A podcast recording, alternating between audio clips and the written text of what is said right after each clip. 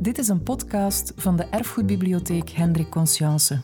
Eén keer per maand op zondagochtend kun je bij ons terecht voor een notenboomlezing. In deze lezingen bekijken we de maatschappij en cultuur van vandaag door een historische bril. Je kan ze hier herbeluisteren. We wensen je heel veel luisterplezier. Goedemorgen, dames en heren, vrienden. Welkom op deze eerste notenboomlezing van het nieuwe jaar. We hebben samen vorig jaar um, gevaren over de zeven zeeën, de oceanen, overal aangemeerd en ook eventjes stilgelegen in Antwerpen met een lezing over de oude stadsplannen. Dit jaar blijven we in Antwerpen, een heel jaar lang in Antwerpen. Het gaat over de geschiedenis van Antwerpen en de focus is eigenlijk alle mogelijke conflicten die er ooit in Antwerpen zijn geweest. Militaire conflicten, maar ook conflicten tussen bevolkingsgroepen, ook actuele uh, conflicten die er nog zijn. U zal het wel zien in de loop van het jaar. U zal de aankondiging, krijgen van de lezingen. En vandaag starten we met een heel bijzondere lezing. Peter Serien staat hier naast mij, geeft een lezing over de bommen op Antwerpen. Niet alleen de Tweede Wereldoorlog, maar ook nog eens de Eerste Wereldoorlog. Die waarschijnlijk ook bekend is via de poëzie van Paul van Ostaaij bijvoorbeeld. En zoals het gaat in het digitale tijdperk ken ik eigenlijk Pieter Serien al, heb, ik heb het even nagekeken, vijf jaar. Vijf jaar geleden heb ik zelf een onderzoek gedaan naar de onfortuinlijke schilder-modernist Jan Cox, waarover ik zelf ook trouwens een, een heb gegeven. En die man is eigenlijk, laten we zeggen, twee keer onfortuinlijk. Hij is vermoord in 1976 in zijn, zijn atelier in Boeghout. Maar hij heeft ook nog eens een atelier, zijn keramiekatelier verloren in de oorlog, met name tijdens het bombardement in 1943 op Mortsel. En ik heb toen een mailtje gestuurd naar Pieter met de vraag van... Hij had daar toen een boek over geschreven, weet jij daar misschien iets meer van? En ik heb toen de luchtfoto's gekregen van, van dus het resultaat van de bombardementen. verschrikkelijk afschuwelijk. En daar is dan eigenlijk een soort van dubbele vergissing. Want de Amerikanen die beoogden natuurlijk niet het centrum van Morsel, maar die beoogden de Erla-fabrieken, die min of meer langs de krijgsbaan lagen, de richting Deurne luchthaven, wat nu Deurne luchthaven is, maar ik ga daar niet te veel over vertellen, want dan begeef ik me op glad ijs met een specialist ter zaken naast mij. Dus door weersomstandigheden, er zijn verschillende theorieën over, hebben de Amerikanen de bommen in plaats van op de Erla-fabrieken op het centrum van Mortsel. Maar is er toch één bom die is afgeweken en die echt wel in de buurt is gevallen van de luchthaven van. En dat kon ik dus echt prachtig zien op die foto's die Pieter mij toen heeft, heeft doorgestuurd. En die is op het dak gevallen van het atelier van Jan Cox. Die man is daar al zijn vooroorlogse keramiek bij verloren.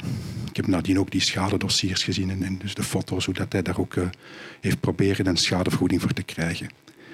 Vandaag blijven we niet alleen in Morsel, we gaan ook naar Antwerpen, we gaan naar de veebommen, we gaan naar de Eerste Wereldoorlog. Ik geef meteen het woord, ik geef meteen het woord aan Pieter Serien. Ik ga ook nog even iets over de man zelf zeggen. Hij is historicus, heeft gestudeerd aan de KU Leuven en is vooral gespecialiseerd in orale geschiedenis, dus mondeling geschiedenis. Want hij is blijkbaar nu ook verhalen aan het verzamelen. En is een oproep aan u over de veebommen in Antwerpen, naar getuigenissen over de veebommen in Antwerpen. Hij is ook geïnteresseerd en gespecialiseerd in de geschiedenis van het dagelijks leven tijdens de oorlog. Hij heeft daar ondertussen vier boeken over geschreven, die liggen te koop. Hij wil ze ook signeren. Er is een, een eenheidsprijs per boek, 25 euro. Dus na de lezing, allen daarheen. En ik geef nu graag het woord aan Pieter Serien. Ik dank u voor uw aandacht.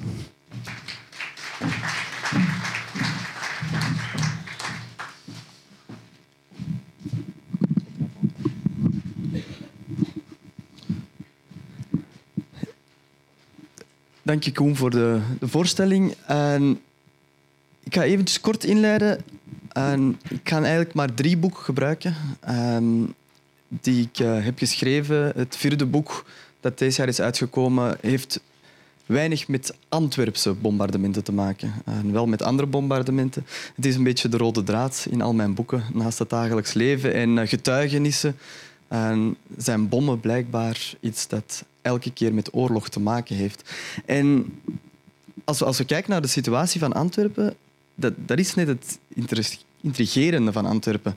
Antwerpen, de strategische ligging van Antwerpen, het, het, zowel het, het, het, politieke, het culturele, het militaire belang van Antwerpen heeft er eigenlijk voor gezorgd dat doorheen heel de geschiedenis Antwerpen een soort richtpunt is geweest van bommen. Eh, het begon al met de opstand, maar dat was evengoed zo tijdens de Franse Revolutie, 1830. En, en we zien dat ook gewoon in de manier waarop dat de, de Belgische regering, als ze hun forten beginnen bouwen, Antwerpen heel sterk willen versterken. En dan komt het eerste echte luchtbombardement op 25 augustus 1914. En daar ga ik mijn lezing beginnen. Ik ga vertellen over mijn boek aan oorlogsdagen. Dat is een boek over de Eerste Wereldoorlog. En ik heb daar eigenlijk 32 getuigenissen gevonden van dagboekschrijvers, burgers, die in het bezette gedeelte van Vlaanderen zaten. En, en daar heb ik dan het boek over geschreven. Er zaten twee Antwerpenaren bij. En die zal ik ze voorstellen. En sinds 2010 doe ik een jongerenproject waarbij ik uh, ondertussen al meer dan 1500 jongeren op pad heb gestuurd om interviews af te nemen met mensen die de Tweede Wereldoorlog hebben meegemaakt. En het resultaat daarvan is te lezen in Zo was onze oorlog. En de meeste getuigenissen gaan daaruit komen. Omdat daar, het gaat over de Tweede Wereldoorlog en uh, zowel de V-bommen, uh, maar ook het bombardement op Mortsel en de minder bekende bombardementen op Antwerpen, zoals op de haven, ze komen daarin voor. Je ziet mij daar zitten bij de getuigenissen. Het zijn er heel wat. En mijn eerste boek dat ik schreef ging over het bombardement op Mortsel. Opnieuw ook een jongerenproject, maar ook een groot herdenkingsproject dat ik daar heb gedaan um, en nog steeds doe. En vandaag ben ik bezig met de voorbereiding van een bezoek van een ander zwaar gebombardeerde stad die lijkt op Mortsel, op Van Nijmegen, die eigenlijk ongeveer hetzelfde hebben meegemaakt. En bijna evenveel slachtoffers als in Mortsel. En ik wil die twee verhalen samenbrengen. En eigenlijk meestal, als je de Eerste Wereldoorlog bedenkt, dan mensen denken sowieso aan loopgraven. En als ze iets weten over het dagelijks leven hier in bezette gedeelte van, van Vlaanderen, dan komen bommen daar eigenlijk niet vaak in voor. En toch is deze indrukwekkende foto genomen tijdens de Eerste Wereldoorlog. En er, er, was sowieso een, een, idee dat luchtbombardementen konden, maar eigenlijk toen als die Eerste Wereldoorlog losbarstte, is het enorm verrassend dat er plotseling bommen uit de lucht vallen. Mensen kenden artilleriebombardementen, maar een echt bombardement vanuit de lucht dat kenden ze eigenlijk niet. En dat was voor heel veel mensen heel beangstigend. En ik denk zelfs dat er heel veel extra slachtoffers daardoor gevallen zijn. En ik ga twee getuigenissen gebruiken. Twee 14-jarige dagboekschrijvers in het Antwerpse. De ene is Karel Risseler, die hier vlakbij woonde. En de andere is Willy Ooms, waar ik jammer genoeg geen foto van heb, die op het Zuid woonde. Ook 14 jaar. En denk dat jullie wel weten dat de Eerste Wereldoorlog begint met dat bekende schot in Sarajevo, de moord op Frans Ferdinand. Ehm, en dan een hele dikke maand later vallen de Duitsers ons land binnen. En al heel snel blijkt dat de mensen eigenlijk niet goed weten wat oorlog echt is. Niet alleen komen er slachtoffers, vallen er doden, zeker bij de Duitse represailles, massa's vluchtelingen. Maar ook is er een nieuw soort wapen. Een, nieuwe soort wapen en is verrassend genoeg. En, en Karel schrijft er op 25 augustus, in de nacht van 25 en 26 augustus, over. Eén uur s'nachts. Schoten klinken. Doffe slagen. Hoor geronk van een motor. Het is een zeppelin. Verscheidene doden.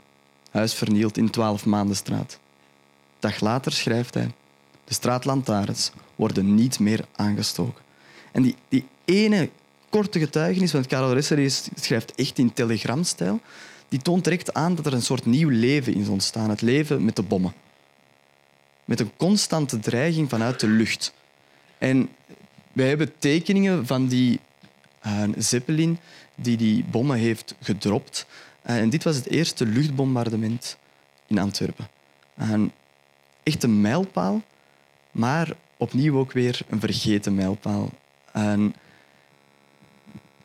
Er bleven bommen vallen op de stad. Ik geef een paar van die voorbeelden dat Karel schrijft. Vier uur s'nachts, weer klinken schoten. Mitrailleurs laat zich horen. Nogmaals een zeppeling boven de stad. Bommen, de Deurne, Stenenberg, Brug. Eind september, vier uur. Touwen boven Antwerpen. Druk beschoten, ontsnapt. Daar zie je al meteen een groot verschil. Je ziet een zeppelin die bommen dropt en een Taube, een jachtvliegtuig, dat ook bommen kon droppen, maar eigenlijk vooral spectaculaire luchtgevechten voerde. En nu, die bombardementen zijn heel beperkt. En eigenlijk het aantal slachtoffers ook. Als je het vergelijkt, is het echt een, een, een, marginale groep. Dat zal veranderen in de Tweede Wereldoorlog. In de, eerste groep, in de Eerste Wereldoorlog is het eigenlijk heel beperkt. En de meeste slachtoffers vallen ongetwijfeld tijdens de artilleriebeschieting van Antwerpen. En Antwerpen was lang eigenlijk een soort hoop voor de geallieerde legers. Ze dachten Antwerpen gaat nooit vallen met zijn sterke fortengordel. En, ja, eigenlijk gaan de, de Duitsers zich rond Antwerpen vestigen en ze beginnen vanuit de reeds ingenomen forten, bijvoorbeeld dat van Walen en Sint-Katharijnen-Waver, gaan ze Antwerpen massaal beschieten begin oktober. En Willy schrijft erover in zijn dagboek aan hoe dat eigenlijk heel de stad in brand staat. En, dat het echt een stad is die volledig wordt vernietigd. Ik lees samen jullie een stukje uit zijn dagboek. Ofschoon iedereen riep Antwerpen zal nooit ingenomen worden, is de lang gevreesde dag aangebroken. In de dagbladen in grote letters leest men het ogenblik is genaderd. Die wil kan vluchten. We kunnen het niet geloven. We brengen onze kelder in orde, plaatsen allerhande blusmiddelen en zakken vol aarde zoals voorgeschreven is. Tegen de avond is er geen mens meer in de anders zo druk bezochte straten. En wij trekken dan maar vroeg naar bed, onrustig, ons afvragend of de beschieting deze nacht zal plaatsvinden. We leggen al onze kleren gereed naast het bed en het petroollampje blijft branden. Na lang denken en vrezen val ik eindelijk in een lichte slaap. Net zoals Karel na het Zeppelin-bombardement gaat Willy zich ook al meteen voorbereiden op zo'n bombardement. Karel hoort dat de straatlantaarns niet meer mogen branden. Waarom deden ze dat? Het idee was dat op die manier, als er lichten waren, dat ze konden zien vanuit de lucht waar dat ze bommen moesten droppen. Daarom werd er een verplichte lichtverduistering, misschien voor sommigen van jullie nog wel bekend uit de Tweede Wereldoorlog, een lichtverduistering ingesteld. Hierbij, Willy gaat, zijn, ja, gaat eigenlijk het huis mee voorbereiden op een mogelijke inslag van bommen en een mogelijke brand. En dan schrijft hij, het is een 14-jarige, dus het is wel een beetje een kinderlijke stijl. Boom, tsch, pam, ik schiet wakker. Ik spring overeind in mijn bed en luister aandachtig. Boom, bang. Nogmaals hoor ik ting, ting, ting. Ik spring uit bed en kleed mij aan. Eensklaps wordt er driemaal op de deur geklopt. En vader roept ja. Onze huurlingen antwoordt, spoed u. Sta op. Ze bombarderen. Vader wekt moeder en moeder wekt ons. Daar ik al gereed ben, help ik de kleine, kleinere aankleden en weldra zitten we in de kelder. De kinderen op een deken, de anderen op een stoel. Zo brengen ze de eerste nacht onder de bommen door in de kelder. Volgende ochtend, wij ademen vrijer van zodra het licht is. En wij lopen al eens omhoog om een luchtje te scheppen. Doch men houdt het niet uit. De lucht is zwartblauw en er is een verstikkende petrolreuk. Rond acht uur ga ik op het balkon staan. Ik heb toch schrik en telkens maal er een slag komt, sluit ik het venster en sta erachter tot ik weet dat ze gevallen is. Doch ik zie er niets van. Ik wil nu toch wel een bom zien vallen. En zie, een slag. En om welke reden weet ik niet, ik blijf staan. Maar hemel, het gegier komt op mij af. Ik sta aan de grond genageld. Pof. God zij dank, roep ik. En dan de bom vallen. zie de bom vallen. Ik roep en Seves zijn de anderen boven om de rook te zien. Als wij staan te zien, komen er twee zusters met pak en zak af. Met daarachter een dertigtal meisjes in pensionaatkledij. En elk een last op de rug of aan de arm dragend. Dan een oud zustertje die ook een blauw-wit pak draagt. Voor onze deur kan ze niet meer voort. En twee meisjes ondersteunen haar. Wederom is het vooruit, vooruit naar Holland. Ik denk dat we de beelden en de verhalen wel kennen van Antwerpen dat leegloopt. En, maar de beelden van het gebombardeerde Antwerpen zijn minder bekend. En je ziet er hier maar een paar. En het is heel opvallend en niet altijd de beste kwaliteit foto's. Maar het is echt wel een leven met bombardementen en geworden. En ja, dan begint die Duitse bezetting. En dan komt er iets heel eigenaardigs dat er ook weer een constante in dat leven van bommen gaat zijn. Een bombardement heeft heel snel het karakter van friendly fire, zogenaamde collateral damage. Ook de geallieerden wilden natuurlijk de belangrijke haven van Antwerpen treffen om de Duitsers het moeilijk te maken. En ook Antwerpen werd daarbij getroffen. En het is in 1917, de herfst van 1917, dat je de getuigenissen leest. En Karel Ressler schrijft erover. Op de hoek van de Montignystraat viel een bom in het midden van de straat en vernielde de gasleiding. Hier vielen veel doden omdat de koffiehuizen vol bezoekers zaten. De getallen verschillen echter. Men vond nog een 16-jarig meisje onder het puin. Ze lag tussen twee balken die eerst doorgezaagd moesten worden. Ze is gered, slechts licht gewond aan het hoofd, maar naakt, omdat de val al haar kleren afrukte. Willy, die daar vlakbij woonde, bommenaanval op Antwerpen. Veel doden en gewonden. De uh, patriotaars zeggen dat de Duitsers het zelf gedaan hebben. Later bevestigen het de Engelsen. Geen enkel voorgesteld punt werd geraakt.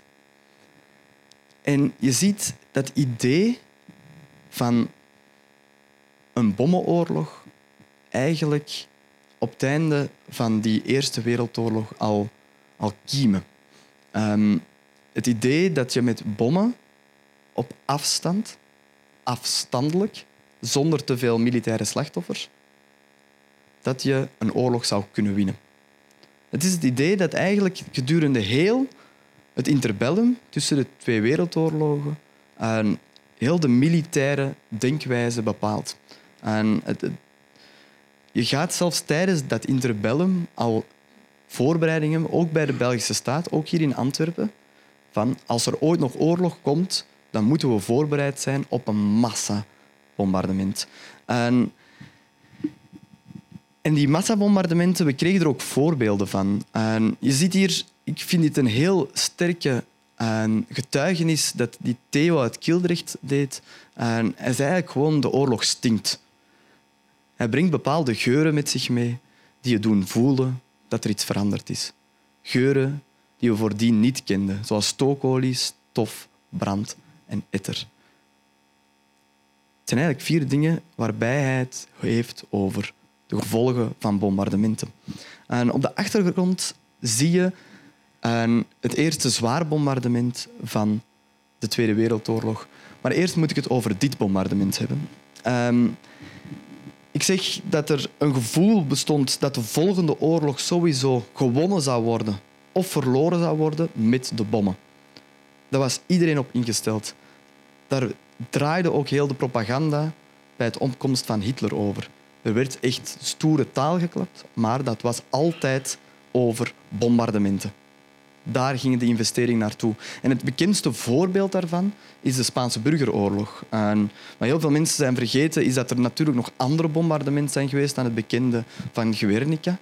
Maar dat was wel een voorbeeld van hoe dat burgers het slachtoffer zouden worden van zo'n massabombardement. Dat was echt een terreurbombardement.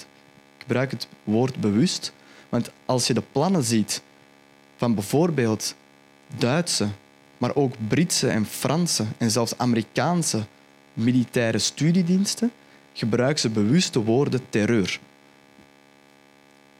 Het idee dat bijvoorbeeld Engeland alleen maar zou kunnen verslagen worden door Duitsland door Engeland massaal te bombarderen, zodat heel die samenleving ontwricht wordt en dat eigenlijk de samenleving zelf in opstand zou komen tegen de regering.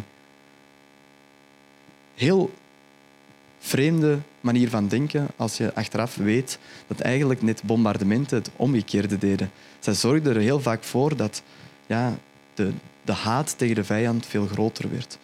En een van de meest brutale bombardementen tijdens de Tweede Wereldoorlog. Het is een heel vergeten bombardement. Is dat van Warschau in 1939. En jullie weten waarschijnlijk wel dat eh, de Tweede Wereldoorlog dan in september 1939 begint ehm, met de inval van Polen. En Warschau wordt daar echt door de Duitsers met een eerste massaal terreurbombardement vernietigd. En we weten echt niet hoeveel doden er vallen, en, maar sommige cijfers spreken van 26.000 mensen gestorven in die bombardementen. Dat is een gigantisch aantal. En, en ik, ik, pak heel bewust twee foto's. Foto van dit jongetje en foto van dit meisje, omdat ik weet dat die toen ook de ronde deden. En die gingen in Europa en daar werd het de verschrikking van zo'n bombardement werd daar eigenlijk gewoon uitgeroepen. Van, dit, dit staat ons te wachten. Dat moeten de mensen gedacht hebben toen als ze dat in de krant zagen. Dit staat ons te wachten. En, en dan kwam de Duitse inval van 10 mei 1940. En dat was een inval met bombardementen. Je ziet hier een brandend huis. En, en dat is eigenlijk een brandend huis door brandbommen. En brandbommen, ja, in die tijd gebruikten ze net zoals toen, jammer genoeg, uh, gebruikten ze enorm veel ja, bijna chemische technieken om ervoor te zorgen dat je een soort vuurstorm kon creëren. En zeker later in Duitsland, in Duitse steden, is dit gebeurd. En dan gaan ze eigenlijk echt een, een stad niet alleen selecteren, maar ook doelwitten selecteren. Niet om bijvoorbeeld militaire installaties te treffen, maar om ervoor te zorgen dat die stad volledig in brand schiet. En dat je tot temperatuur van 1000, soms zelfs 1500 graden komt en dat eigenlijk gewoon die stad verkoolt. Heel erg is dat we daarbij weten, bijvoorbeeld in de Duitse steden, rond 42, 43, dat de meeste slachtoffers niet gevallen zijn door de invallen van de bommen, maar doordat ze gebakken zijn in hun kelders. En eh, er is zelfs sprake van kokende rivieren, smeltend asfalt waar mensen in vast komen te zitten. Dus dit gaat echt over terreur. Bewust mensen treffen. En dat was ook echt bewuste tactiek van de Duitsers in begin van de Tweede Wereldoorlog. Ze wilden de Belgen zo snel mogelijk op hun knieën dwingen. Het is ook gelukt op 18 dagen. Bij de, bij de Nederlanders is het nog duidelijker geworden met het bombardement van Rotterdam. Van Rotterdam.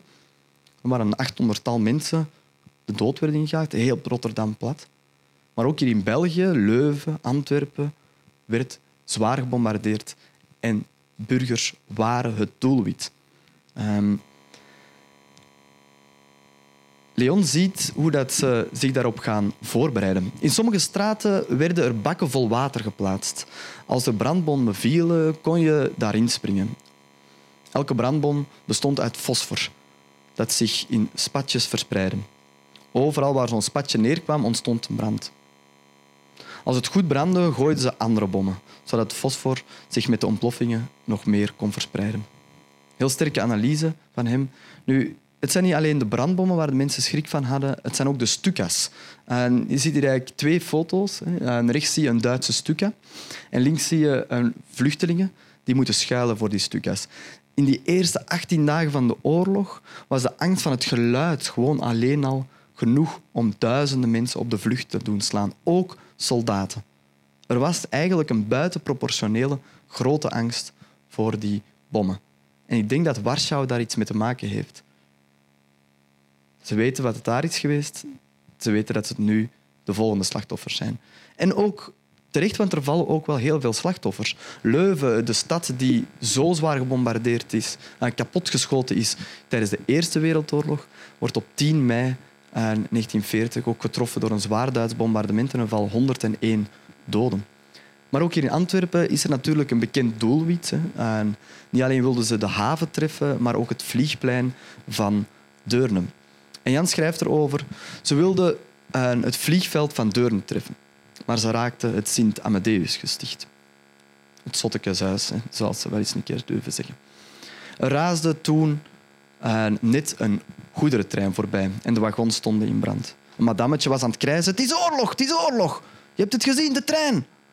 De vrouw was een zottin uit het gesticht. Roger, die springt op zijn fiets om te gaan helpen. Te zoeken naar die zieke mensen. Want wat was er gebeurd? Die bommen waren op het Sint-Amadeus-gesticht gevallen. Ze hadden eigenlijk hun doelwit gemist. Zie je meteen collateral damage.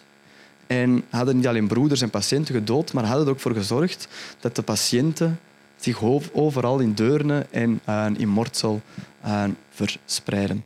Een zeldzame foto dat we ervan gevonden hebben, zijn van omstaanders uh, die gewoon getroffen worden door ofwel de luchtdruk ofwel door een schrapnel, zoals hier een bomscherf in Antwerpen wordt genoemd. Maar na die 18 dagen, als België capituleert, is die dreiging van bombardementen lijkt die eventjes voorbij. Um, ook al wordt er nog vrij veel gevochten in de lucht, zeker aan de kust, um, treedt er een soort rustiger leven in met de bommen. Um, en een leven met de bommen is eigenlijk een heel eigenaardig leven, waarbij dat die mensen zich uit het verleden gaan denken ja, ik moet mij beter voorbereiden. We kunnen ons alleen maar proberen te beschermen. En zij worden daar ook voor aangemaand. Zij, zij krijgen folders in de bus. Zij krijgen duidelijke regels opgesteld door de Duitsers om ervoor te zorgen dat ehm, mensen zich gaan beschermen. En je kan je afvragen, wat is de grootste terreur? Het creëren van die angst of de werkelijke bommen die vallen? En ik krijg bijvoorbeeld zo'n uh, folders, dit is voor de oorlog al verspreid, en waarbij dat er ideale model van een bommenschuilkelder wordt getoond. Hè. Of zelf dit, um, met gasmaskers, het idee dat gas zou gebruikt worden in de volgende oorlog, doet mensen massaal uh, naar de winkel gaan. En dit is een reclamefolder uit een krant. En dus dat doet ons natuurlijk ook wel het nodige bedenken. En eigenlijk werd iedereen aangemaand om, um, om zelf een, een abri te bouwen in de tuin. Hè. Een schuilkelder, een schuilplaats. Uh, waarbij er echt heel specifieke details werden van oké, hoe moet je dat doen? Je moet in een hoek bouwen, zodat ervoor kan zorgen dat de luchtdruk bij het inslaan van zo'n bom, dat die niet door je gang gaat hè, en, en, dat die gebroken wordt. Hè. Andere mensen gingen hun kelder uh, verstevigen of gingen bijvoorbeeld zand plaatsen over heel hun zolder, voor te zorgen dat die niet in brand kon schieten. En, maar ik denk dat de meest bekende maatregel de lichtverduistering is. Hè. Lichtverduistering die dus eigenlijk de mensen verplichten om alle lichten vanaf dat het donker werd te doven, zodat de vliegtuigen die boven Antwerpen kwamen, dat die Antwerpen niet konden zien. Die werd door de Duitsers heel streng gecontroleerd. Nu, het rare is dat eigenlijk dat vanaf het midden van de oorlog niet zoveel nut meer had. Uh, ten eerste werd er ook vaak overdag gebombardeerd, zeker door de Amerikanen. Als er dan s'nachts gebombardeerd werd door de Canadezen of door de, uh, door de Britten, ja, er was ook radar. Er waren andere systemen. Ze gingen zelfs uh, met gekleurde uh, pijlen werken om hun doelwit aan te duiden. maar toch is die lichtverduistering iets eigenlijk dat heel lang blijft bestaan. Mariette zei erover... er waren mensen die hun ramen zwart schilderden. Bij ons thuis hingen zwarte doeken voor het raam. Waarom we juist moesten verduisteren, weet ik niet. De ramen van het openbaar vervoer waren helemaal groen of blauw geschilderd. Voor de passagiers waren er enkel cirkeltjes om door te kijken. In het begin was dat lastig, omdat je halte niet goed kon zien. Ik denk dat vooral mensen zich de, de lastigheden daarbij kunnen voorstellen. En er zijn op sommige plekken nog... Kan je het nog zien hoe dat, dat blauwe glas geschilderd is. Onlangs, toen ik in Breendonk was, en heb ik nog gezien dat eigenlijk al die ramen van, uh, ja, van het fort allemaal in blauw waren geschilderd. Dus daar kon je het echt goed zien. natuurlijk, Breendonk, stel dat dat getroffen zou worden, uh, zou voor de Duitsers wel een ramp geweest zijn. Iets anders, dit is een ja, duidelijk beeld, denk ik. Ik denk dat iedereen wel ziet dat dit Antwerpen is. Um, de zoeklichten. Dit is in het stadspark stond er een heel groot, zoeklicht om s'nachts uh, geallieerde jachtvliegtuigen of bombardeervliegtuigen te vinden. Um, Verre zegt daarover... De oorlog was afgrijzelijk, maar voor de meeste van mijn leeftijd doorbrak hij wel de eentonigheid. Het was een avontuur. Wanneer het op school alarm was, steeg er gejuich op. Dan moesten we naar de schuilkelder en dan was er geen les. En dat is iets dat je heel vaak ziet in de getuigenis. En dat, dat vind ik ook een heel belangrijk aspect van dat leven met de bommen. We mogen niet vergeten dat het leven ook doorging.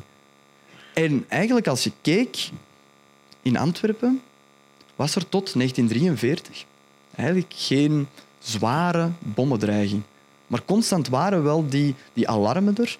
Wat gebeurde er dan? Van heel hoog. En waren er dan ja, vliegtuigen, honderden soms, en eskaders die richting Duitsland vlogen. Het was zelfs zo dat de meeste mensen na een tijd iets hadden van ja, wij kruipen niet meer bij elk alarm in onze schuilkelder. Nee, wij gaan liever kijken en zeggen, ah, dat is goed. De Duitsers krijgen er van langs. Er, was zelfs binnen sommige mensen een competitie van hoeveel vliegtuigen zijn het. Ja, het zijn er 80, nee, het zijn er 90. Jongetjes waren bezig met de techniciteit, de Spitfires, de Messerschmitts. Ze waren er allemaal bezig. Het was eigenlijk eerder spektakel, zoals Verre zegt. En ook het luchtafweergeschut en de bomscherven waren een, ja, een graag gezien, graag gevonden goed voor jonge kinderen. En Ivo schrijft, uh, vertelt erover... Niet ver van ons stond luchtafweer van de Duitsers. Met vier lopen tegelijk. Pa, pa, pa, pa. En maar schieten. Als het alarm voorbij was, gingen wij schrapnels oprapen. We verzamelden alle soorten modellen van uiteengevlogen stukken metaal. We schepten tegen elkaar op. Kijk, ik heb een groter stuk gevonden dan jij. Arlet, dus ook meisjes, op straat zochten wij schrapnels. We zochten zoveel mogelijk stukken van dat ijzer. Het summum was als je er een vond met een schroef aan.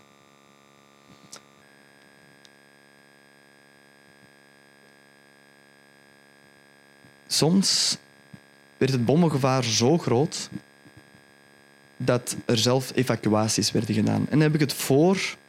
Ik heb het niet over de V-bommen, de periode van de gewone bombardementen.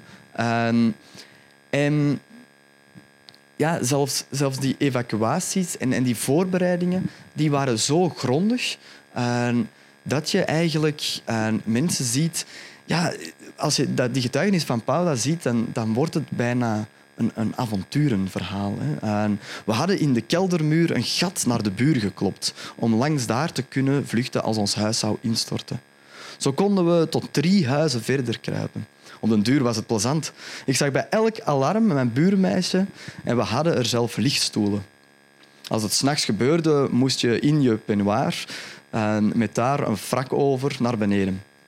Na het bombardement op Mortsel kwamen ze op op het idee om ons allemaal een fluitje te geven. Dat was pas echt plezant. Ik weet dat de juffrouw ons na een tijdje straf gaf als we nog uh, zomaar durfden blazen op ons fluitje. Mama naaide voor mij een lintje met een lappe stof eraan, die ik in een emmer water moest stoppen en voor mijn mond houden tegen de stof. Een les die ze hadden geleerd uit Mortsel, waar het bleek dat heel veel van de kinderen eigenlijk gestikt waren in het stof terwijl ze in het puin lagen.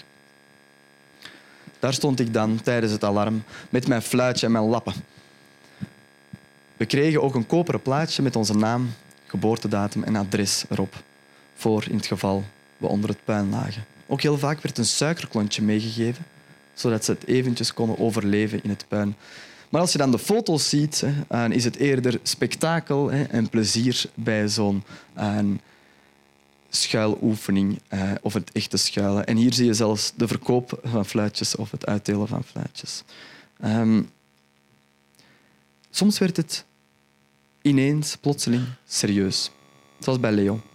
Elke keer als we alarm hoorden, boe, boe, vlogen we onze oude kelder in. En plotseling viel er een bom bij ons in de garage. Ik zag ons negenjarig buurmeisje Yvonneke sterven voor mijn ogen. Ze had schrapnels in haar buikje gekregen. De vader van Yvonneke zat weken s'nachts in de kelder te huilen. Het was verschrikkelijk. Uren had ik met haar gespeeld in de kelder, waarvan de muren waren uitgebroken, zodat we konden vluchten als er iets gebeurde. zeker aan de haven, de mensen die aan de haven werkten, daar was het echt een reëel terreur. Jan schrijft, uh, vertelt erover. Wij liepen buiten in de richting van Ekeren, waar verschillende bunkers waren. Er is gevloekt, gebeden en geschreeuwd, maar onze bunker hield stand. De bankjes waar wij op zaten waren afgebrokkeld door de luchtdruk. We durfden niet naar buiten, tot we hoorden dat de vliegtuigen weg waren. Een van ons ging polshoogte nemen en hij riep, niet te geloven. De bunker, bunkers links en rechts van ons lagen plat. De mannen met wie ik morgens op het treintje had gezeten om naar Fort te rijden en met wie ik nog had gebabbeld, gedaan. Als je kijkt, de haven was natuurlijk een geliefkoosd doelwit. Was ook een terecht doelwit. Het was een belangrijke militaire uh, installaties die getroffen konden worden. Uh, en dan zie je de beelden van de inslaande geallieerde bommen.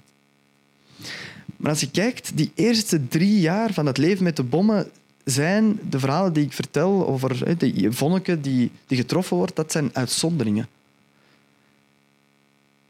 Soms heb je eens een bombardement van tien doden en dat is al veel.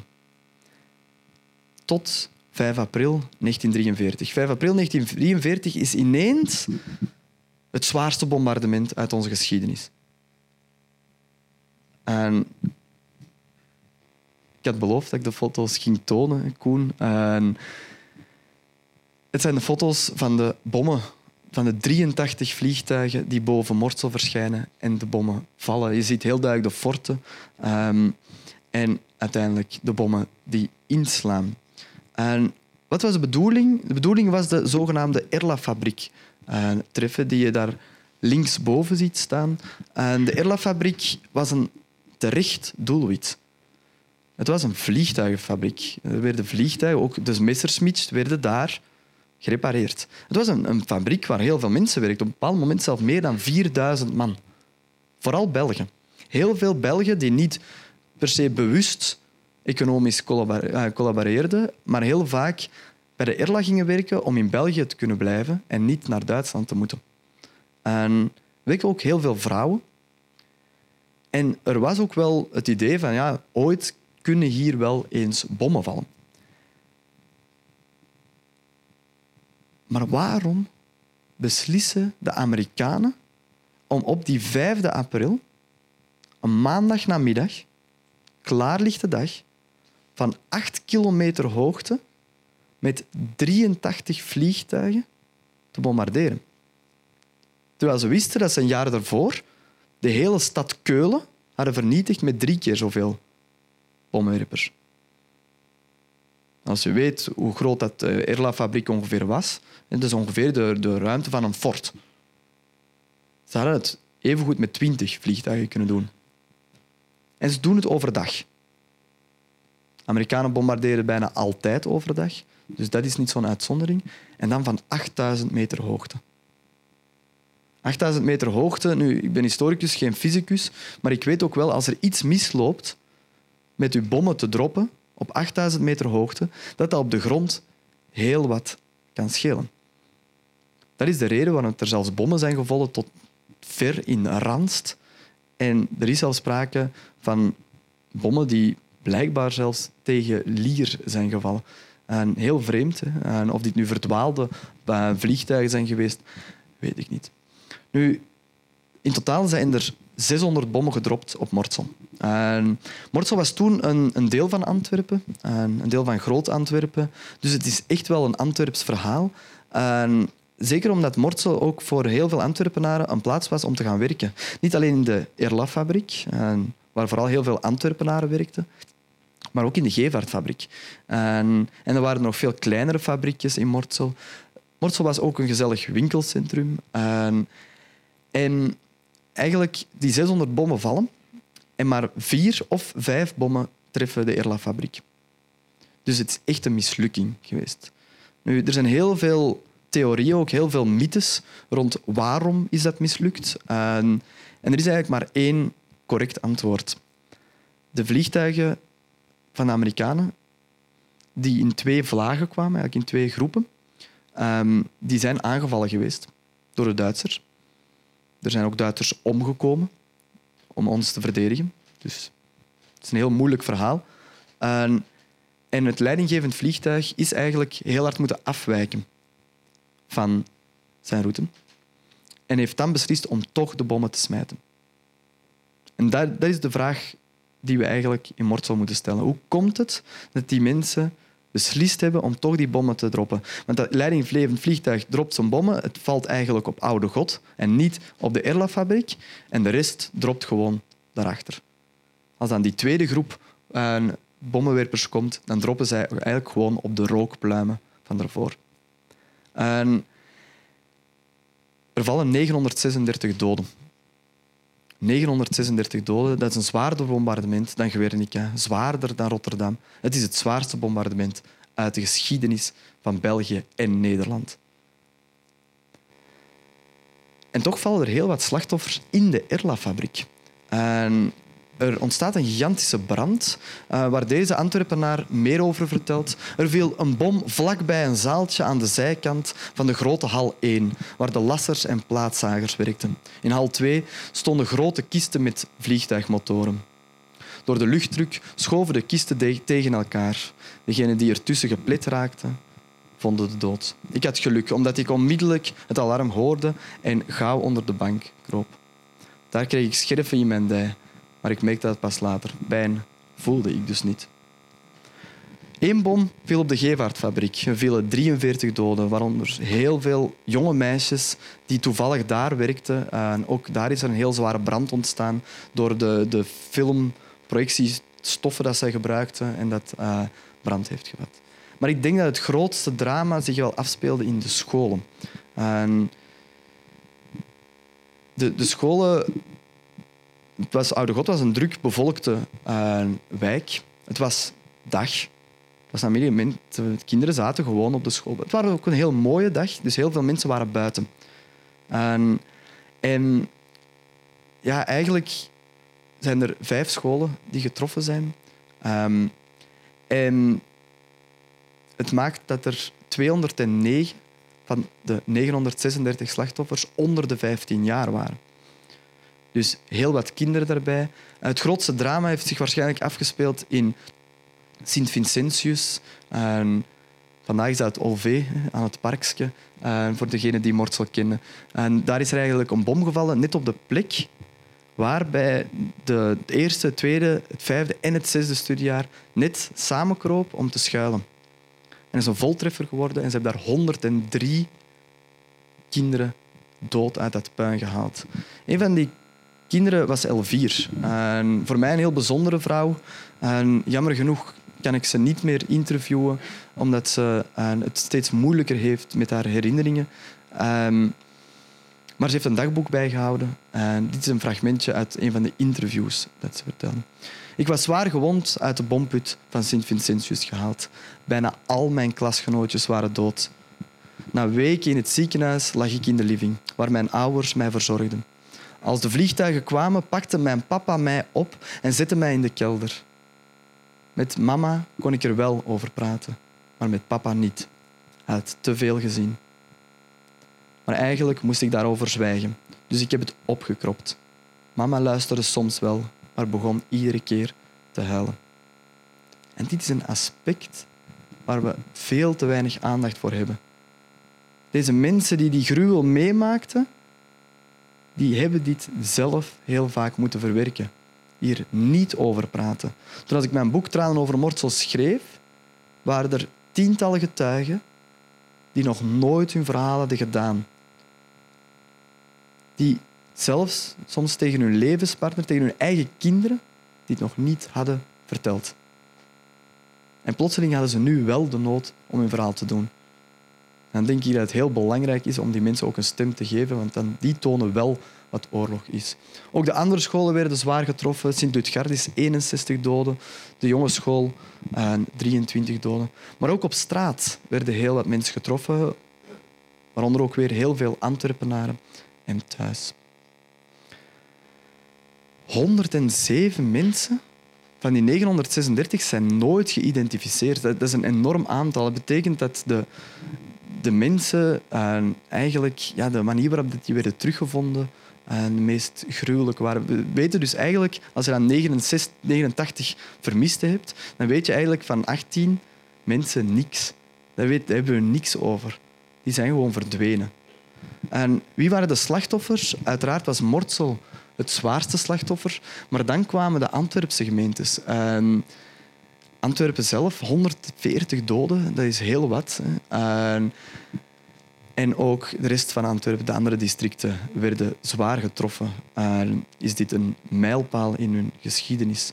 En ook heel veel gewonden, maar dan vooral heel Mortsel dat kapot was. Er waren ongeveer 3700 huizen in Mortsel. Dan weet je dit getal. Het was ook voelbaar. Overal hier in, in, in de stad. In, Hoboken, schrijft Evelien, schrijft... En ik dacht dat er iemand met onze brievenbus aan het klipperen was. Maar toen ik aan de deur ging kijken, was er niemand. Ik belde aan bij de buurvrouw en zij vertelde dat er iemand aan, aan, met haar deur had geslagen. Een poosje later besefte dat dit kwam door de luchtdruk van het bombardement op Mortsel. Ik wil één verhaal eruit kiezen. En het is een van mijn belangrijkste verhalen. En het is een iconische foto, misschien wel een van de bekendste foto's van het bombardement op Mortsel. Um, het zijn zes mensen. En zij staan aan het karkas, het uitgebrande karkas van de bus. Bus op het gemeenteplein, die normaal richting Edegem en Komtug had moeten rijden. En ik heb een paar jaar geleden een onderzoek voor een tentoonstelling in Gent uh, gedaan naar de foto. Wat is het verhaal achter die foto? Wie zijn die mensen? Waarom is die foto genomen? En zo verder. En het eerste dat ik ben beginnen onderzoeken is, waar is die foto gemaakt? En als je goed ziet, en zie je hier het gemeenteplein, daar uh, het puinhoop, ja, dat is waar vandaag de vlegel en zo verder is. En, daarachter uh, de Sint-Lutgardischool. En dan zie je centraal eigenlijk de uitgebrande bus. Als je dan wat vergroot, dan zie je die daar. Dus dan weten we dat die foto daar is genomen. Ben ik op zoek gegaan naar wie heeft die foto genomen? Wie nam de foto? En, en die foto komt eigenlijk een paar keer voor in vooral de collaborerende kranten. En, en dat zet mij natuurlijk een beetje op weg. Als je dan hier en deze focus ziet en, en nog een beetje vergroten, dan zie je een foto van een andere hoek. Deze foto komt trouwens uit het bladje Signaal. En het is via dat bladje dat je kunnen identificeren wie dat die foto heeft genomen. En dat bleek deze man te zijn, Otto Kropf. En dit een van de zeldzame foto's van hem. En dit is nog eens een keer een foto in kleur. En Otto Kropf is voor de Antwerpenaren en misschien wel de belangrijkste fotograaf tijdens de Tweede Wereldoorlog. Want hij was een propagandafotograaf van de Duitsers. En hij kreeg gerichte opdracht om foto's te nemen in België. Van het leven in de oorlog. Waardoor dat we heel veel foto's hebben van België tijdens de oorlog. De meeste foto's van hier in Antwerpen tijdens bezetting zijn genomen door Otto Kropf. Ik ontdek er elk jaar nieuwe. En we hebben heel lang niet geweten wat er gebeurd is met, met Otto Kropf uh, de twee laatste jaren van de oorlog. Nu weten we het wel, hij is blijkbaar ook in Mortsel geweest. En hij heeft heel veel foto's genomen, is een heel bekend figuur. En als je die foto's ziet, ja, dan zie je dat we daar beelden hebben die heel indrukwekkend zijn. En dat doet ons toch een klein beetje nadenken aan beelden die natuurlijk genomen zijn om het onrecht dat Mortsel is gedaan, aangedaan door de Amerikanen te tonen. Dit zijn propagandabeelden. Dus die foto is genomen voor propaganda. Nu wist ik nog altijd niet wie die mensen waren. Ben ik op zoek gegaan wie dat er in die bus zat. En het is een heel moeilijke oefening om te maken, omdat de mensen eigenlijk volledig opgebrand waren. En er moeten ongeveer 30 mensen in de bus hebben gezeten. En hetgeen dat ervan overschoot, dat zie je hier bij deze foto ervoor liggen. En het is eigenlijk niet meer dan hoopje. En als je hoort van de getuigen hoe dat die bus brandde, dan ja, weet je dat het eigenlijk heel moeilijk is om die mensen te identificeren. Dus eigenlijk zat ik met een probleem, want ik, die foto ging dienen voor een tentoonstelling. Ehm, en ik wist niet wie die mensen waren, dus ik kon veel te weinig over vertellen. En ik heb toen een oproep geplaatst uh, in de Gazet van Antwerpen. En zoals ik begin deze week ook heb gedaan over de veebommen. Ehm, en gevraagd, wie kent deze mensen? Wie zijn dit? En ik ben ook posters gaan verspreiden en zo verder. En plotseling krijg ik telefoon. En ik probeer deze zes mensen te contacteren en ik krijg telefoon uit Antwerpen van Marcel Michel. Marcel is jammer genoeg een paar weken geleden overleden. En anders had ik misschien gehoopt dat hij hier ook aanwezig zou zijn. En Marcel zegt tegen mij, dat is mijn Peter. Ah, dat is mijn meter, excuseer, op die foto. Met mijn onkel. Ik spring direct op mijn fiets en ik ga richting de Tournautse baan. En ik hoor daar het verhaal van deze twee mensen. En hier zie je een foto van de mensen in Antwerpen. En dat zijn inderdaad exact dezelfde mensen. En de, de familie van, van Marcel Michel die geeft mij dan ook alle mogelijke dingen. En ik ben daar ongelooflijk ontvangen. Nu, wat bleek... En het is eigenlijk een heel pijnlijk verhaal. En helemaal links van deze foto zie je Clara staan. En Clara is de mama van Marcel Michel. En Clara was een alleenstaande moeder. Vader was gestorven tijdens de Eerste Wereldoorlog. En Clara en, zat eigenlijk een heel groot probleem. Zij was helemaal alleen. En toen werd haar zoon, Marcel, opgeëist om in Duitsland te gaan werken. En ze had heel veel angst dat haar zoon zou sterven in Duitsland bij de bombardementen. Dus wat ging ze doen? Ze ging haar nichtje ophalen, haar driejarig nichtje, en ze gingen samen bidden in de grot van Edegem. En net op het moment dat ze de bus van de tram, de bus nemen, en worden ze gebombardeerd. En Clara en, en de ouders van het meisje, van Lydia, het driejarig meisje, woonden in de Carnotstraat. Dus het is echt een Antwerps verhaal en dat eindigt met deze foto. En nu, er is iets heel bijzonders aan deze foto.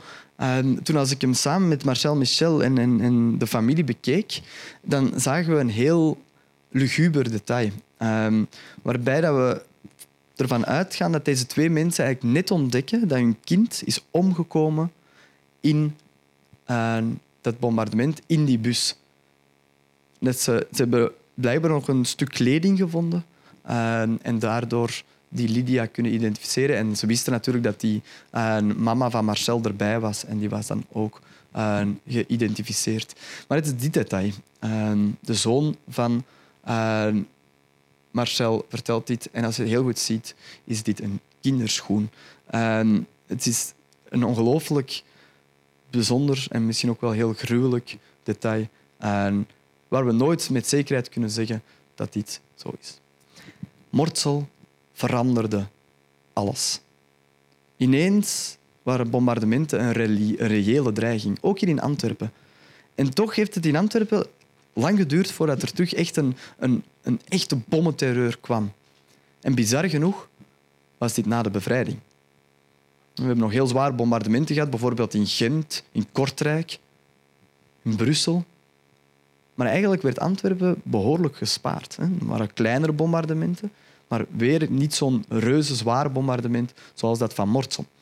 En dan komt de bevrijding op 4 september 1944 en dan lijkt het leven met de bommen eigenlijk voorbij. En wat de Antwerpenaren wel stilletjes aan begonnen te vermoeden was dat wat er in de kranten stond over Londen, hoe dat Londen was getroffen door nieuwe soort wapens, ehm, die meteoren werden genoemd, of die soms ook al de ronde deden als de vliegende bommen.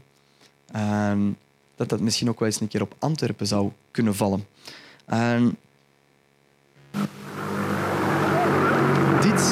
is het geluid van. Een oorspronkelijke opname. En dit is een V1 een V1 is eigenlijk, vandaag zouden we het een drone noemen, uh, is eigenlijk een onbemand vliegtuig. En volgestoken met explosieven en berekend, wordt afgeschoten, gelanceerd. Na een tijd kon hij zelf gelanceerd worden vanuit een, vanaf een vliegtuig, van onder een vliegtuig. En, en werd eigenlijk gelanceerd. En dan vanaf dat die, ja, die timing, die timer was opgelopen, dan stortte die neer. Dan had je 5 tot 15 seconden om je voor te bereiden. En dan stortte die uh, ergens neer.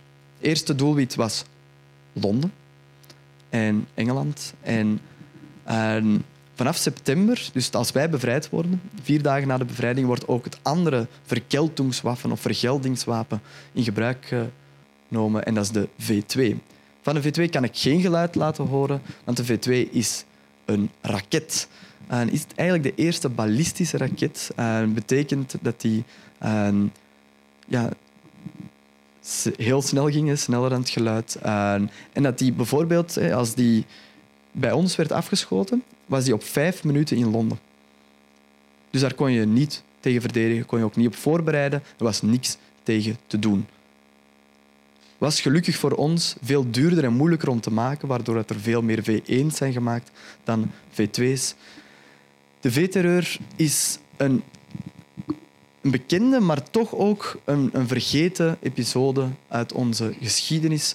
Um, ja, en als je de cijfers ziet, dan weet je dat dit uh, een ongelooflijk aantal is. Hè. In België zijn er 600 6448 mensen officieel. En ik denk dat die cijfer makkelijk enkele honderd meer is. Uh, burgers gestorven en dan bijna 900 geallieerde soldaten. Ook in Engeland hè, zijn er heel wat slachtoffers gevallen. Um, dan zijn er nog minder slachtoffers gevallen in Nederland en in Frankrijk. Voor ons begon het in Antwerpen met de Schilderstraat, de bekende V2-inslag aan het Museum van Schone Kunsten. Ehm, en ja, ik heb hier meerdere getuigenissen over gevonden. Ik ga een paar met jullie bespreken. Ehm, en um, ja, op 13 oktober 1944 komt die eerste echte V-inslag, want er waren er nogal een paar geweest. Er is zelfs een V-inslag geweest, een V1-inslag op 8 juli in Schoten. Daar weten we heel weinig over, maar ik heb er een getuigenis over gevonden, dus ik ben blij. maar de echte V-terreur, waarbij die V-bommen elke dag met tientallen soms vielen, die begint op 13 oktober 1944. en Raymond woonde op de plaats die gebombardeerd is. Maar hij was toen niet thuis. Hij schreef mij een brief. Waar precies? Wanneer? Was het erg? Waren er slachtoffers? De vragen rolden uit mijn mond. Maar er kwamen geen antwoorden. De mensen wisten het zelf niet. Iedereen giste, maar niemand wist precies wat er gebeurd was. Ik wilde zo snel mogelijk naar huis, maar het ging niet sneller dan de snelheid van de tram. En ik vond dat traag, veel te traag. Onrust en een vreemd gevoel van spanning maakten zich van mij meester. Aan de Marksplaats mocht ik niet meer verder. De toegang tot de Kale Rogierstraat was helemaal afgezet. Maar ik woon hier. Mag dat je weg bent. Ik wil naar huis. Ik had geen identiteitskaart of iets anders op zak waarmee ik kon bewijzen dat ik inderdaad in de Karel Rogierstraat woonde. Na lang aandringen vond ik toch een politieman die mij wilde doorlaten en die met mij wilde uh, meegaan. Hoe meer ik in de richting van ons huis liep, hoe meer puin er op de straat lag en hoe minder van de huizen overbleef. Overal waren mensen bezig puin te ruimen. Overal vroetende en zoekende mensen. Overal stof, overal stenen, versplinterd hout. En voortdurend brekend glas onder mijn schoenen. Het was alsof ik naar een vertraagde film zat te kijken. En dan blijven de veebommen vallen. Na die 13 oktober zijn er afschuwelijke inslagen. Het zijn er te veel om op te sommen. Dan moet ik een aparte lezing geven over de veebommen alleen. En, maar toch zijn er een paar die ik uh, wil vertellen. Er zijn er heel veel die jammer genoeg door de bekendste inslagen een beetje vergeten zijn. Zo is de Wilrijkse school Sint-Ursula gebombardeerd geweest. Het is een veebom opgevallen. Er zijn drie doden gevallen. En daardoor weten we er eigenlijk heel weinig over. Gelukkig heeft Maria wel het verhaal verteld. Bij het geluid van een V1 kroop iedereen zo snel mogelijk onder de banken en in de kasten. Het heeft niet geholpen. Alle meisjes van onze klas zaten vol glas, ook ik. In mijn been zat een heel groot stuk, waardoor ik niet meer kon wandelen. Ik had mij verstopt onder de bank. Ik hoorde mensen om hulp roepen en wenen, maar ik durfde niet weg. Ze hadden iedereen geëvacueerd, behalve een leerkracht, mijn vriendinnetje en ik. Dat meisje had een stuk glas in haar nek en ik zag haar in de armen van de juffrouw sterven. In het ziekenhuis waren ook alle ruiten gesneuveld. Ze draaiden de matrassen gewoon om en daar moesten wij op liggen. Ik wist niet wat gedaan. Ik bloedde uit mijn been en arm en ik lag daar maar wat waas. Ik had 27 pinnetjes in mijn arm. De meest gruwelijke inslag in die eerste periode van de veebommen is ongetwijfeld die van de Teniersplaats. En op de hoek van de Leien en de Meer en slacht een V2 in en, en maakt 157 dodelijke slachtoffers. En we hebben hier ook heel veel. Dat is eigenlijk de enige veebom waar we slachtoffers van hebben. Uh, van waar we uh, foto's van hebben. Echt goede foto's, gedetailleerde foto's. Het is een beetje een, een moeilijkheid uh, bij dit onderwerp, omdat het verboden was om erover te vertellen. Om over te schrijven, om er foto's van te nemen. Omdat de Duitsers vooral niet mochten weten dat hun bommen doel hadden getroffen. Want als ze dat wisten, dan wisten ze ook, ah ja, die bom hebben we zo afgericht, zo uitgerekend en die heeft veel doden gemaakt. Dus we moesten er met z'n allen lang over zwijgen. Jos uit Oelegem die was er op dat moment bij. Hij liep aan de andere kant. Hij was eigenlijk op weg om ergens een passerdoos te kopen. Ik had steeds de neiging om langs de straatzijde te lopen, gehaast en al dus de stroom mensen ontwijkend die midden op het voetpad liepen. Dat was mijn geluk. De bom viel op een café op de hoek van de Frankrijklei en de Meer. Dat café was een ontmoetingsclub voor Britse soldaten. Ik heb geen ontploffing gehoord, nog iets gezien op dat ogenblik. Toen ik mijn ogen opende, lag ik midden op de straat en boven mij bogen zich twee in het wit geklede personen van het Rode Kruis. Zij hebben mij rechtgetrokken en oppervlakkig onderzocht, maar ik mankeerde blijkbaar niets. Ik voelde nergens pijn en hoorde niets. Op hetzelfde moment zag ik de ravage rondom mij en toen kwamen langzaam de geluiden terug. Overal liepen bebloede mensen rond. Alle ruiten van de winkels waren in het rond gevlogen. Het voetpad lag vol glas en menselijke lichaamsdelen. Hier een arm, daar een arm. Het was niet om aan te zien. Een tram en een paar auto's stonden op de hoek in brand. En er hing een stofwolk met de geur van verbrand vlees. Ik was in paniek. Ik heb mij losgelurkt van mijn helpers en ben op de loop gegaan richting het Astridplein. Daar ben ik op de tram gesprongen richting Borgerhout. De rest is voor mij een blackout. Zeker na de Teniersplaats kroop Antwerpen ondergronds. En je ziet de beelden van mensen die in de kelders leven, scholen sloten, en mensen gingen echt eigenlijk toegeven aan die gigantische angstterreur. Ook al zijn er nog altijd mensen die bijvoorbeeld durfden naar de cinema te gaan. En waren er mensen die stoer volhielden dat zij hier niet aan zouden toegeven aan deze terreur. En een van de getuigen vertelde mij over een van de geïmproviseerde schuilplaatsen in de uitbreidingsstraat in Berchem. In elke kamer verbleven vier à vijf huishoudens. We hadden onze bedden naar daar gesleept en er was ook een stof. Om beurten gaven we kolen, want ook tijdens de dag bleven sommigen daar. Er liepen akelige ratten in de gang. Mijn vader werkte op de meer en kwam elke avond rechtstreeks naar daar. We gingen overdag naar ons appartement en deden boodschappen. Koken en eten deden we volgens mij in de kazematten. Misschien wel om de beurt aan de grote tafel in onze zaal of aan de stoof. Op het einde van de gang was een grote gewelfde zaal en daar heb ik plezante herinneringen aan. Met de jeugd speelden we toneel en zongen we. In die zaal kwam iedereen naar ons kijken. We moesten niet naar school. We kregen wel huiswerk en dat moesten we dan met de post opsturen. Dus opnieuw zie je toch weer die fijne herinneringen aan die tijd in de kelder. Tot er soms een bom dichtbij insloeg. We mochten onze pie-emmers, zoals Simke dat zo mooi formuleert, over de kazematten in een privéhuis. Waar een kraantje was om alles uit te spoelen. Op een keer was ik juist buiten mijn, met mijn pie-emmer toen er een V1 viel op de kazerne ernaast. Ik had geluk dat ik juist naar, terug naar binnen was gelopen, maar ik mocht van mijn ouders niet gaan kijken. Opnieuw werden kinderen weggehouden van uh, de gruwel van de rampgebieden.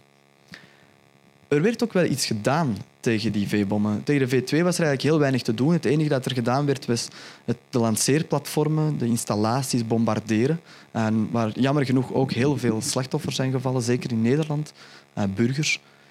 Um, maar de V1 die kon je afschieten. Er is zelfs een heel groot project geweest, een, een militair project, een Antwerp X. En daar hebben zij toch wel een kleine 2200 V1's uit de lucht geschoten. De meeste V1's zijn dan wel nog gecrashed. En dat is een verhaal dat natuurlijk heel veel mensen vergeten. nu, het waren de Amerikanen en de Britten die het kwamen doen, ook heel veel vrouwen. En Louis vond dat natuurlijk spectaculair. De Amerikanen zaten hier op de hoek van de straat met een 90 mm. Het waren al oudere soldaten die hier gelegerd waren, omdat het hier niet zo gevaarlijk was. Ik heb horen zeggen dat jachtvliegtuigen soms onder de vleugel van een bom vlogen om ze van richting te doen veranderen. En dit klopt ook. We hebben er zelf beelden van. Uh, dit is een heel veel uitvergroot uh, ja, een luchtbeeld, uh, waarbij dat je een V1 rechts ziet vliegen en dan een, een, een Engels jachtvliegtuig dat erin. Er zijn ook tekeningen van gemaakt die iets duidelijker zijn. En op die manier werd het afgeschoten. Nu, Bert toont de negatieve kant daarvan. Toen er een, door een Amerikaans luchtafweergeschut uh, er een werd onderschept, zag ik boven ons huis langzaam naar beneden cirkelen. Ik, riep meteen naar, uh, ik liep meteen naar binnen uh, dat iedereen dekking moest zoeken. Samen met een vriend verstopte ik me in de kelder. Het volgende dat ik me herinner is dat ik enkele dagen later wakker werd in het ziekenhuis. Heel mijn lichaam zat vol glasscherven en ik was zwaar gewond aan mijn hoofd en linkerhand. Mijn moeder en mijn tante waren dood. Dit zijn de beelden van de mensen die uh, hier de veebommen kwamen afschieten. Uh, een massale evacuatie werd gedaan. En nu, het moment dat in Antwerpen het hoofd van, van elke Antwerpenaar, denk ik, die het heeft meegemaakt, is gegrift, is 16 december. 16 december 1944 is niet alleen het begin van het Ardennen-offensief, maar toevallig op diezelfde dag valt er een V2 op een overvolle cinemazaal dicht bij het station. En het is een beetje vreemd dat die overvol zat, want er waren wel wat waarschuwingen geweest. En zo is er begin, eh, midden oktober een V2 gevallen in Temse op een cinemazaal, maar die was leeg. Op 11 november is een cinemazaal vlakbij de Cinema Rex ook getroffen door een V2. En daar zijn verschillende doden gevallen. En toch waren cinemas nog open. Dat zal natuurlijk na de bekende inslag van de Cinema Rex veranderen. ik heb heel wat getuigenissen gevonden van die Cinema Rex. maar er is één getuige die voor mij helemaal bijzonder is, want het is een echte Antwerpenaar. Robert Steppe heb ik kunnen ontmoeten en wilde zijn verhaal vertellen. Wat hij niet wilde doen, was zich daarvoor opkleden en zo verder. maar wat ik jullie wel wil tonen, en dat is vrij exclusief, is zijn de beelden van dat interview waar hij zijn verhaal vertelt. En zo ben ik zeker niet de enige die vandaag alleen maar praat. dus ik toon jullie gewoon de beelden.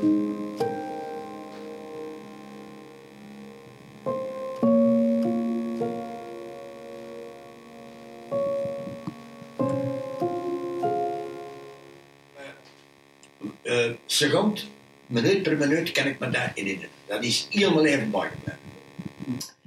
En uh, we hadden dus een vriendelijking op de Sint-Jansplein. En uh, we gingen dus naar de cinema. Naar de Buffalo Bill. Uh, dat is iets voor jonge gasten. Met Gary Koper. En gewoonlijk gingen we dan met tien man, als ze weten. En dan werden van alle trucken uitgehaald. Ik, had zoals dat ik altijd met mijn vader werkte het op, voor dan wij onze bas. En ik ging de goedkope producten waren vijf eerste rijen. Dan kostte er gesteld geraken voor vijf frank of zes frank, ik weet het niet meer. Maar als je van achter ging zitten, dan kostte dat bekend dubbel. Dus ik zijn, voor uitzonderlijke titel, heb ik de volle prijs betaald en ik ben op de balkon gaan zitten. Onbewust, hè? Want alles is feit, hè? Je beslist van de cinema te gaan, maar er moet altijd iemand zijn die je beschermt. Of dat je dat gelooft of gelooft niet, dat heeft er niks mee te maken. Feit noem je dat. En dan gingen we binnen en dan uh, die partij die dan die kortjes, maar dan wogen er al portuur en dan gingen die naar de Noementoortgang, langs de Paneelborrelstraat of Wietenisstraat. En dan, uh, waarna de, de spinning is, hè. En dan deze door de Noementoortgang op en dan kostte er nog een port binnen. Hè. Dat waren allemaal drukken van de, van de Sint-Jansbaan. En die zijn allemaal van vuur gaan zitten. Maar ik zat dus onder de balkon en er zat net van mij een vrouw. Uh, zat er net van mij en uh, ik zat op de, juist op de hoek.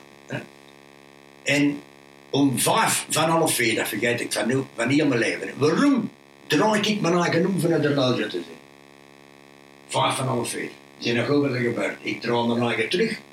En op dat moment zie ik, gelijk in een grot van stalacteten en stalacteten, wat dat ook heet, in de felheid van dat licht, zie ik alles naar beneden komen. Echt waar, hè? Dat, dat valt ineens naar beneden. Natuurlijk, de balkon, er stonden geen zolen in de reeks. Die, die, is allemaal gewopend beton. En als je gewopend beton, dat valt dan in stukken van zo'n tafel, kleine stukken, uh, de jaarse draaien los. En dat valt op die stoelen. En waarom? Omdat de balkon in de oorlog was een Duits verplicht voor in de kelders props te zitten, gelijk in de manen vroeger. En dat waren autobalken en die ondersteunden het gelijkvloers. En dat is het geluk dat het gelijkvloers niet gezakt is. Want heel dat bâtiment is gevallen op, volledig naar, naar, naar beneden op het gelijkvloers. Wat heb ik gedaan? Ik zing naar de muizen, ik draai mijn eigen terug en op die moment een flits, heel hè, je hoort niks hè. Niks. Ik zat beneden. Dankzij me nog een blootdruk, want ik heb dat vroeger ook. Je hebt een blootdruk van 20, 22, hè. ik wil ze beet nemen en dan zeg je over het hospital. Echt mooi, hè? Want dat ze beter te demonstreren, hè. 20, 22, heel veel, En dat hij, dus dat hij mijn geluk uh, geweest dat ik dus heel rap, rap reageerde. Dat komt ook door die nog een. Verstaan je? Dat is een gift. Een golf, misschien een vergif, ik weet het ook. Op leeftijd centraal water En ik heb dus in die beweging, die, die vlottende beweging die ik al had van achteruit te zien, op de beneden. En dan weet ik dat die vrouw die van mij zit, die nijpt in mijn benen. En ik zei zo, dat weet ik nog goed. Zeg, maak wat dood Zo, maar ik zeg zo, hè. Op dat moment realiseerde iedereen was dood. Dus gaat niemand niet over. Peel de raam, ik hè. En wel dit boven wel dat ik had stikjes bij. En waarom had ik nou stikjes bij? Dat weet ik ook met die gewoonte. Maar ik was dan 14 jaar. Maar ik had stikjes bij. Ook bij zo'n gift. En dan hoorde ik allemaal water lopen. Van die ladingen. Ik denk, ze weet, verdrink ik je nog. Hè? Maar dat waren ladingen die kapot en dat leefde die kelder. Dus dan heb ik er twee uur en een half zo gezeten. Met, uh, achter mij lag één Engelsman, dat weet ik, die, die leefde ook nog, maar die leep altijd op zijn is een soldaat. Maar voor de rest was, heb ik het niet gehoord. Wat is er dan gebeurd? Dan hebben ze beginnen te graven in de gaanderij. En ik zat op de hoek. En ze, ze, ze, ze moeten graven. Maar als ze weten dat ze nu de mensen komen. Natuurlijk, die, uh, die technische middelen worden die tijd niet zo, niet zo uh, updated eigenlijk nou. Hè. Na twee en een half zijn ze dan terechtgekomen op het gelijkvloers. En dan uh, hoorde ik stemmen en dan reed ik. Hè. En dan kost ik nog niet uit, maar ik had chance, want die, er was een balk en die had zo een melkprinsje gelopen, zo, zo. En die lag zo, dat weet ik nog goed. En dan hebben ze een zaal gegeven, want er lagen allemaal laatste droog. Ik kon niet bewegen. Ik heb er tweeënhalf zo gezegd, hè. Tweeënhalf. Maar niet gepanikeerd. Niet, niet gepanikeerd. Want ik heb mijn horloge nog niet meer aan. Hoe, hoe nog ze weet. En dan hebben ze een zaal gegeven. Dan moet je goed weten, uh, technisch denk ik niks. Maar ik heb godverdomme die droge doorgezocht. Ja. En dan zit ik eronder gekropen en zo langs dat poen omhoog. En dan ben ik bij een dokter terechtgekomen, want die lip die was gescheurd. Hier. Ik weet nog goed, die dokter, dat stukje zo groot. Zeg, en wat ze wel doen, wat, wat, er allemaal bij? En dan, had hij, dan deed ik het nog dan. En dan ben ik naar een café gegaan, om de overkant, dat is zo'n café, niet van de opera, de, is, de opera hier, de achterkant, en de was een café. En dan ben ik daar gebeld naar ons, want er was een Engelsman komen zien van de barracks en die had tegen mijn vader gezegd, Paul, is your son is over there. You will never see him back again.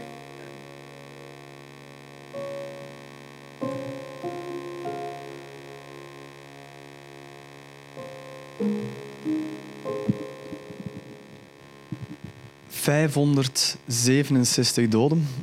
Um, niemand kan het beter vertellen dan Aubert. Ik denk dat dat duidelijk is. Um, nu, hij relativeert het wel. En, maar het toont ook wel aan hoe, hoe dat wij omgaan met ons oorlogsverleden. En Robert had het verhaal nog nooit verteld. En dit was een van de eerste keren dat hij het vertelde. Het was eigenlijk tijdens de spinning, hè, tijdens de fitness, dat hij het tegen een, uh, een kennis van mij vertelde. En die kennis die zei, ik heb hier een getuige die volgens mij iets interessants heeft. We kunnen heel veel veebommen verhalen zo vertellen. En, en die gaan eigenlijk door tot eind maart. Ehm, het is eind maart dat er de laatste veebom op um, het Antwerpse valt, die dodelijke slachtoffers maakt. Um, pijnlijk genoeg was dat ook nog eens een keer in Mortsel. En de gemeente die al het zwaarste had afgezien, moet ook nog eens een keer de laatste veebom slikken. En viel ook op een schuilkelder waar een heel, hele familie samen zat. Heel die familie was gestorven. En, maar dan is eindelijk de oorlog echt voorbij. En Antwerpen komt letterlijk terug boven. En de, eh, de wraak heeft nu geholpen. En dat was ook het idee van die veebommen. Het idee van die veebommen was als wraakwapens te dienen, als vergeldingswapens voor de geallieerde bombardementen op de Duitse steden. Maar die geallieerde bombardementen op de Duitse steden waren in heel de propaganda al een wraak op de Duitse bombardementen op Engeland. Die misschien al een wraak waren op het onrecht dat Duitsland volgens Hitler was aangedaan tijdens de Eerste Wereldoorlog. Dus je zit hier eigenlijk met een vicieuze cirkel van wraak. Nu, een aspect van de veebommen dat heel veel mensen zijn vergeten, is waar die veebommen werden geproduceerd. Die werden geproduceerd in een concentratiekamp. Een onderaards concentratiekamp, vlakbij het Duitse stadje Nordhausen. En in het concentratiekamp Dora Mittelbau. En daar zat bijvoorbeeld ook een Antwerpenaar. Uh, misschien hebben sommigen van jullie hem nog gekend. Uh, Leopold Klaasens. Ehm, het was... We weten niet zo goed hoeveel mensen daar hebben gezeten, hoeveel Belgen. Maar er moeten er toch een 2500 zijn geweest. Bijna allemaal politieke gevangenen. Dus hoe moeilijk moet het geweest zijn voor iemand zoals Leopold om de bommen te moeten fabriceren in afschrijzelijke omstandigheden want meer dan de helft van die 2500 is gestorven daar. De bommen die uiteindelijk zijn stad de grootste terreurperiode van de 20e eeuw hebben verzorgd.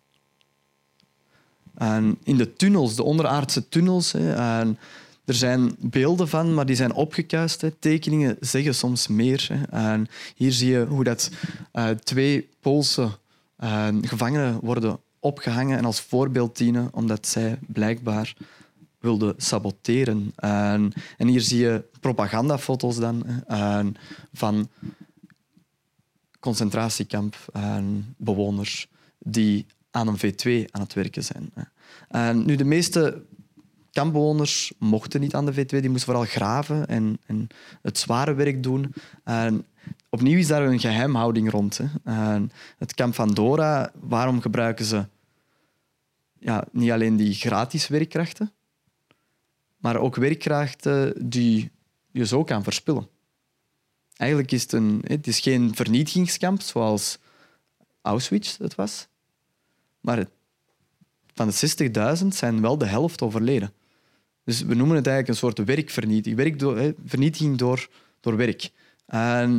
Nu, het, vreemde is dat, dat je daar op het einde van heel dit verhaal eigenlijk zit met een, een, een heel pijnlijk einde. Um, eigenlijk op twee vlakken. Um, Nordhausen wordt bevrijd door de Amerikanen, tussen aanhalingstekens, en op 11 april. Dus dan uh, worden de, de kampbewoners bevrijd van Dora. Um, enkele dagen ervoor, als eigenlijk de Amerikanen op 10 kilometer ongeveer zaten van het stadje, en hebben de Britten twee dagen lang, met steun van de Amerikanen, dat stadje gebombardeerd. Als wraak. Voor de veebommen. Heel duidelijk. Er zijn toen bijna 9000 mensen gestorven. 25 procent van de bevolking van die stad was dood. Die stad was weg. Onder de slachtoffers waren ook Belgen. En er was een kazerne in het midden van, van die stad. En in die kazerne werkte, er zaten eigenlijk alle zwakken en zieken. En die zaten daar voorlopig. En als die stierven, dan werden die naar Boegewald of naar Dora gebracht om daar in het crematorium vernietigd te worden. En, en ja, zij worden eigenlijk slachtoffer van die bommen. En in die kazerne, de Boelke-kazerne heet die, en zijn 1500 kampbewoners, dus gevangenen, gestorven. Tientallen Belgen waren daarbij. Leon vertelt erover een voltreffer. Als een kaartenhuisje stortte het lange, grote stenen gebouw in. Ik wankelde, zag niets meer en lag bedolven. Maar ik leefde nog, ademde nog zeer licht. Wat ik op deze ogenblikken gezien, gevoeld, gepreveld, gedacht en gesmeekt heb, is onbeschrijfelijk. Was dit het einde? Moest ik na al het lijden op het laatst bezwijken? Ik dacht aan thuis, aan mijn vrouw en, mijn vrouw en kinderen, aan mijn moedertje. De ontploffing van een tweede voltreffer schudde mij uit mijn schone gedachten. Ik begon om hulp te roepen en met alle kracht die ik nog bezat. Hoe lang ik daar zo stil en verlaten, onbeweeglijk heb gelegen, weet ik niet. En als je dit weet, dan zie je dat het dat eigenlijk dat is net dat leven met de bommen is een eindeloze wraak, visieuze cirkel van wraak. En, en als je dan meer weet over deze man en zijn, uh, de mensen rond hem, dit is Werner von Braun, de bekende bedenker van de V2-raket, niet van de V1. Uh, en net zoals de andere uh, wetenschappers die die V-bommen hebben bedacht, zijn die eigenlijk door de Amerikanen die asiel gekregen. Er waren bij die mensen zelfs echte SS-officieren. Het is niet alleen een wetenschapper zoals Werner von Braun. En die zijn gewoon omarmd en die zijn ingeschakeld in NASA en zo verder. zijn de helden geworden. En, en ik, ik weiger daarin mee te stappen, in te zeggen van we, we, we moeten altijd die positieve einde zien. Dus ik wil deze lezing eigenlijk, eigenlijk eindigen met, een negatieve noot. En dat is dat, ja, dat die mensen, omdat ze kennis hadden om de Amerikaanse wraak te gaan dienen. En, want ze werden echt wel eerst in raketten, en dus militaire raketten, ingezet en dan pas voor de hoopvolle maanlanding. En ja, daar werden die ingeschakeld en dan werd iemand vergeven. Um, zelfs de technici die in Dora aan het hoofd stonden en duizenden mensen de dood hebben ingejaagd. En het is niet alleen mijn mening, en het is ook de mening van misschien wel een van de bekendste Antwerpenaren die de veebommen heeft meegemaakt, van Wannes, Wannes van de Velde. Die de veebommen heeft meegemaakt en die er ook een lied heeft over geschreven, over Von Braun. En ik geef hem eigenlijk gewoon het slotwoord uh, van deze lezing. in opnieuw een filmpje dat ik gemonteerd heb op zijn muziek. Hij heeft een stukje geschreven, Von Braun, dat deze morgen naar ik heb gehoord, ook speciaal voor deze lezing op de radio was te horen. Goed.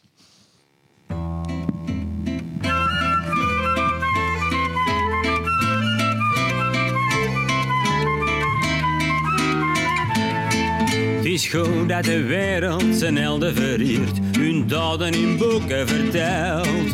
Zodat geen mens hun naam nog verliert, die op dat papier staat vermeld. Zo kennen we Mozes nog tamelijk goed en Stanley en Livingstone. Ik weet er nog een van Hitler zijn crew, de grote geleerde van Brown. Jaar 44, maar zevende jaar, toen weer er in Duitsland beslist dat ik zou vergaan met mijn vel en mijn haar, omdat ik me van land had vergist. Al was ik een blauwte, de burgerman, met joegen vol blauwe geschaan. Toch was ik toevallig in België ontstaan, mijn weg stond te ver van de Rijn.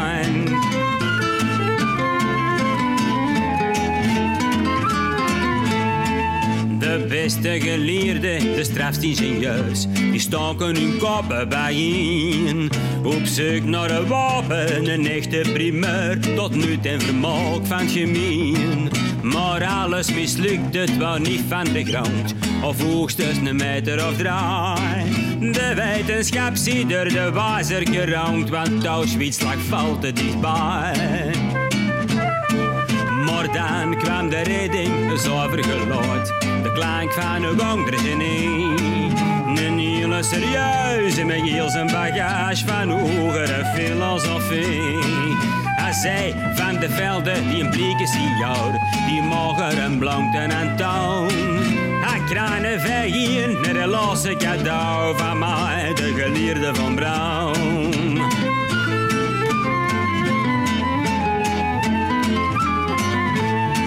En zo'n is gebeurd op een heldere nacht. Dat was in mijn zevende jaar. En Werner van Brouw, na mijn jazer bedacht, toch mensen, dat was een gevaar.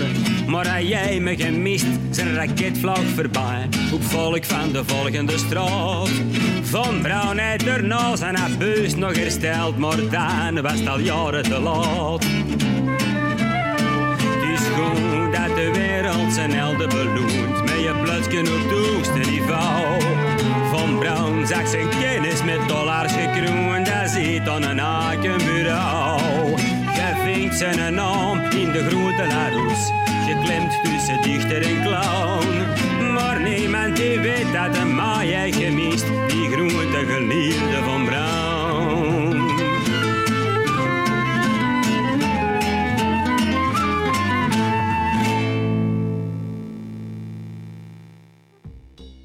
Je luisterde naar een podcast van de Erfgoedbibliotheek Hendrik Conscience. Wil je nog een andere lezing beluisteren? Ga dan naar www.consciencebibliotheek.be-herbeluister.